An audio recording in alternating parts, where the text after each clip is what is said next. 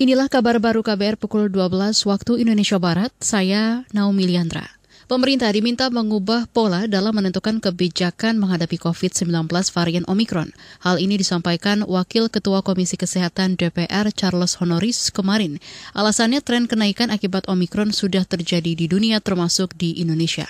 Per hari ini kasus penularan Omikron di tanah air sudah mencapai 506 orang.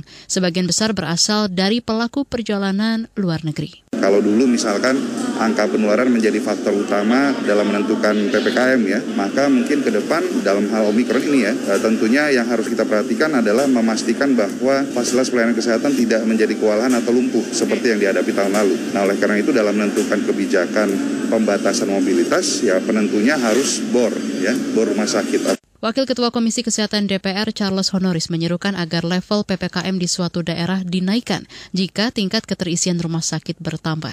Ia juga meminta pemerintah memastikan ketersediaan tempat tidur di rumah sakit, obat-obatan dan hal lain yang dibutuhkan untuk menghadapi lonjakan kasus akibat Omikron. Menteri Pemberdayaan Perempuan dan Perlindungan Anak Kemen PPPA Bintang Puspayoga menginginkan seluruh kampus di Indonesia segera membentuk satuan tugas pencegahan dan penanganan kekerasan seksual di lingkungan kampus. Hal ini disampaikan Bintang merespons langkah Menteri Pendidikan Nadiem Makarim yang meminta perguruan tinggi segera membentuk Satgas tersebut.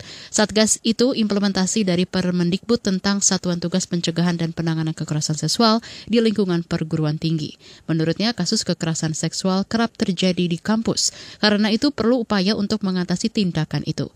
Berdasarkan data Komnas Perempuan, kasus kekerasan seksual di perguruan tinggi mencapai 27 persen dari berbagai sumber.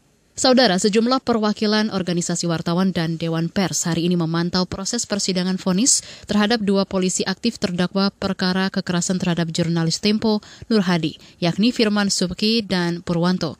Perwakilan organisasi yang hadir di Pengadilan Negeri Surabaya, Jawa Timur antara lain Aliansi Jurnalis Independen AJI, IJTI, LBH Pers, Kontra Surabaya, dan Dewan Pers.